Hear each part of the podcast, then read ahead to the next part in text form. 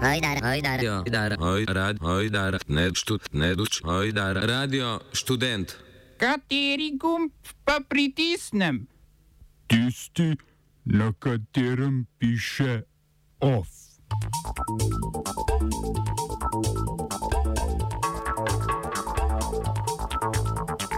ساق الخري إلى من جرى وخ الخري إلى من ترى Biden predlaga dvig davkov korporacijam in najbogatejšim. Nizozemski premijer komaj preživel nezaupnico.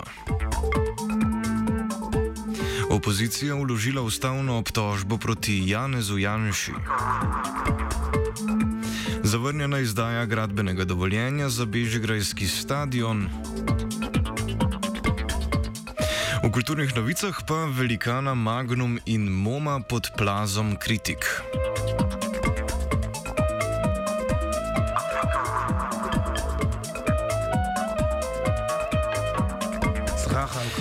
Dobr dan. Ameriški predsednik Joe Biden je predstavil nov paket infrastrukturnih vlaganj, ki v velikosti znaša slabih 2000 milijard evrov. Da bi priskrbel sredstva, bo zvišal davek na korporacije, dodatno obdavčil najbogatejša 2 odstotka gospodinstv in dvignil davek na tuje dobičke ameriških podjetij z 13 na 21 odstotkov.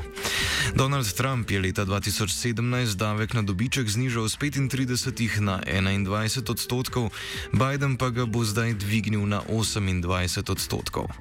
Po napovedi zvišanja davkov, s katerim bi financirali obsežno prenovo dotrajane ameriške infrastrukture, cenovno dostopna stanovanja, zelene investicije in obnovo javnih šol, sledi politična bitka za sprejem zakonov v obeh domovih ameriškega parlamenta.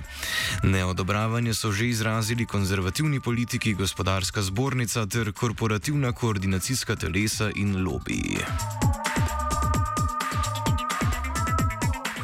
Uzbekistan je v torek sprejel zakon, ki medijem in aktivistom prepoveduje objavljanje pozivov k dekriminalizaciji spolnih odnosov med moškimi. Homoseksualnost se v tej srednjeazijski državi kaznuje z do tremi leti zaporne kazni. Prejšnji mesec je država omilila obtožbo za homoseksualnost sodomije na zločin proti družini, otrokom in morali, kar je sprožilo debato o statusu spolnih manjšin.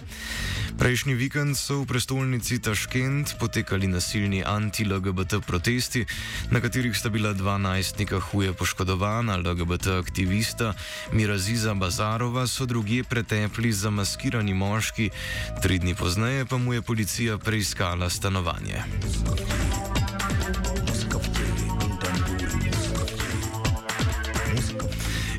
Indija je energetskim obratom, ki izkoriščajo premog, dopustila, da jim še tri leta ni potrebno delovati v skladu z novimi emisijskimi normami.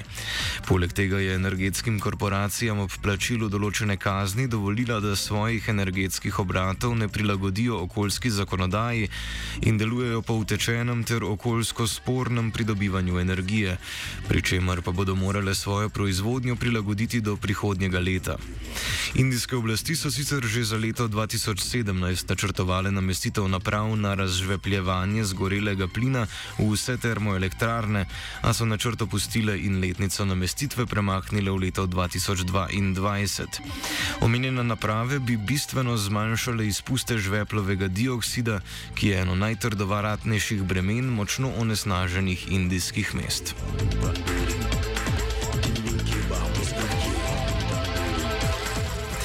Nova Zelandija dviguje urno postavko minimalne plače, ki bo od prihodnjega torka znašala 20 novozelandskih dolarjev oziroma slabih 12 evrov. Po podatkih Organizacije za gospodarsko sodelovanje in razvoj je bila Nova Zelandija že pred napovedanim dvigom med državami z najvišjo uzakonjeno minimalno plačo, a državo kljub temu bremenijo predvsem visok delež otroške revščine ter nedostopnost dostojnih stanovanj, predvsem v večjih mestih, kot sta Auckland ter prestolnica Wellington. Dviguje se ne le minimalna plača, temveč je novozelandska vlada pod vodstvom socialdemokratke Jacinde Ardern zvišala tudi najvišjo davčno stopnjo za najbogatejše na 39 odstotkov. Najviše davčne stopnje bodo deležni vsi, ki na leto zaslužijo več kot 180 tisoč novozelandskih dolarjev, kar znaša nekaj več kot 100 tisoč evrov.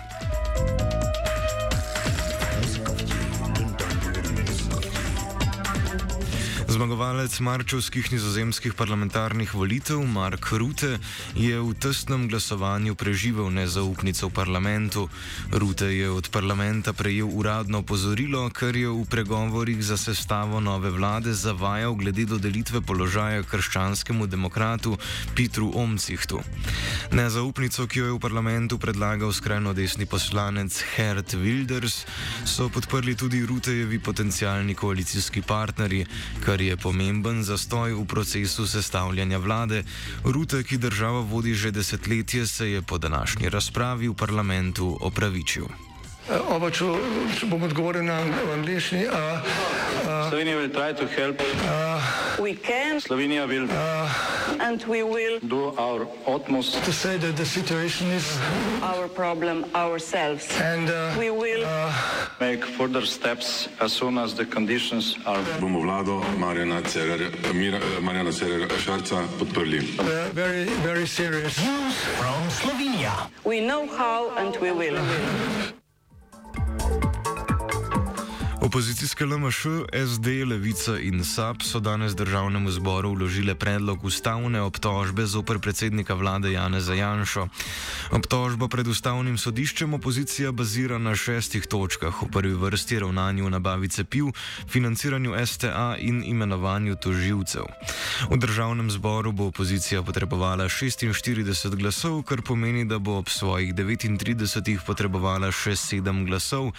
Če bo predlog sprejet v parlamentu, bo naslednji korak sojenje pred ustavnim sodiščem. Parlament bi v tem primeru izmed predlagateljev izbral poslanca, ki bi zastopal obtožbo. Ustavno sodišče potem odloča o obtožbi, v primeru, da se odloči, da je utemeljena, pa lahko potem predsednika vlade odstavi z dvotretinsko večino, torej s podporo šestih od devetih ustavnih sodnikov. Ustavno obtožbo riše nekdani premijer ter predsednik stranke LMŠ Marjan Šarec. Ustavna obtožba se sestoji iz očitkov najprej zavračanje nabave cepiva, kar se nam zdi izjemnega pomena v današnjem času, zlasti v luči, da je edino cepljenje tisto, ki ga vsi priznavajo za učinkovit boj zoper epidemijo.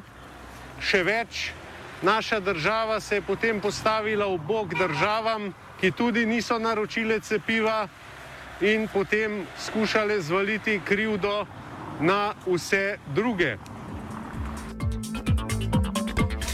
Slovenija, Avstrija in Češka ne bodo donirale cepiva v okviru solidarnostnega programa Evropske unije. Portugalska, ki trenutno predseduje svetu EU, je sporočila, da so se države članice včeraj zvečer v Bruslju dogovorile o doniranju skoraj 3 milijonov odmerkov cepiv Bolgariji, Hrvaški, Estoniji, Latviji in Slovaški, ki zaostajajo pri cepljenju. Gre za pošiljko 10 milijonov Pfizerjevih cepiv, prispelih pred časom za tretje četrtletje tega leta. Slovenija, Avstrija in Češka po dogovoru ne bodo prejele toliko cepiv, kot so si želele, zaradi česar so tudi zavrnile donacijo. Za Slovenijo to pomeni, da bo obdržala 14 tisoč cepiv, ki naj bi jih donirala, skupaj bo tako dobila 47 tisoč odmerkov. Avstrija bo obdržala 60 tisoč cepiv, predvidenih za donacijo, skupaj bo odmerkov Pfizerjevega cepiva v tej rundi prejela skoraj 200 tisoč, v četrtek pa je sporočila, da bo naslednji teden naročila Rusko cepiła. Ministrstvo za okolje in prostor je zavrnilo izdajo gradbenega dovoljenja za pečečnikov projekt Bežigrajskega športnega parka. Ministrstvo je svojo odločitev sprejelo na podlagi mnenja Zavoda za varstvo kulturne dediščine, da gradnja ni v skladu z odlokom o razglasitvi del arhitekta Jožeta Plečnika v Ljubljani za kulturne spomenike državnega pomena. To je posledica tega, da je Ministrstvo za kulturo že izdalo odobritev zavoda oziroma že izdano odobritev zavoda zavoda, ki si je po odločitvi ministrstva premislilo. Odločitev so pozdravili v civilni inicijativi za ohranitev Plečnikovega stadiona. Of je pripravil vajenec Petar, pod budnim očesom navajenca Matija sledijo pa kulturne novice.